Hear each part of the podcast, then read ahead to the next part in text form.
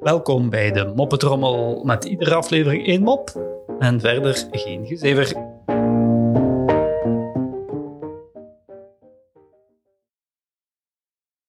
De poetsvrouw is bezig met heel druk te poetsen, zoals poetsvrouwen dat wel doen.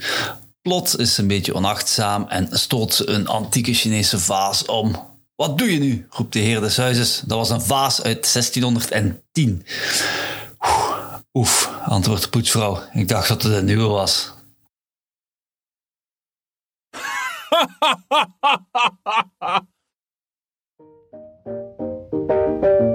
Zo, dat was de Moppetrommel voor vandaag. En tot morgen.